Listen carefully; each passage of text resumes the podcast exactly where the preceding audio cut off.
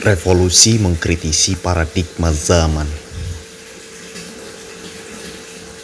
Katanya, manusia itu diberikan karunia dapat berpikir secara logika.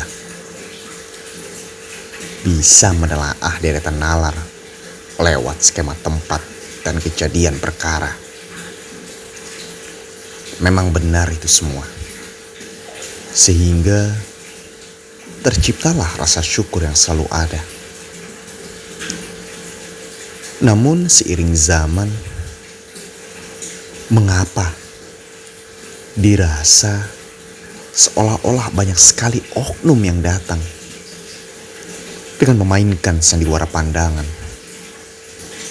Karena problematika berpikir secara logika yang menerus melampaui batasan. Ia berlari, bukan berjalan lagi melewati kreativitas daya tampung dengan kebablasan. Maka lahirlah segala dentuman fenomena yang menghiasi kancah rasa kehidupan. Menghiasi dengan segala lampu-lampu pro dan kontra yang saling bersahutan. Dengan kondisi yang sangat rentan terhadap panasnya persoalan Bagaimana tidak? Ketika dahulunya kita berpikir sesuatu itu tidak mesti dilegalkan, kini dapat dilegalkan. Saat dahulunya kita berpikir sesuatu itu tidak harus dilakukan, kini mampu dilakukan. Yang dahulunya kita berpikir sesuatu itu tidak bisa diterima, kini menjadi diterima. Dengan susunan skenario yang penuh, mencari-cari pembenaran agar dapat dibenarkan.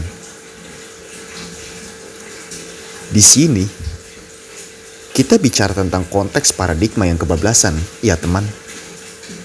Yang mana sering tidak bisa lagi dipikirkan secara sehat oleh akal logika yang ada.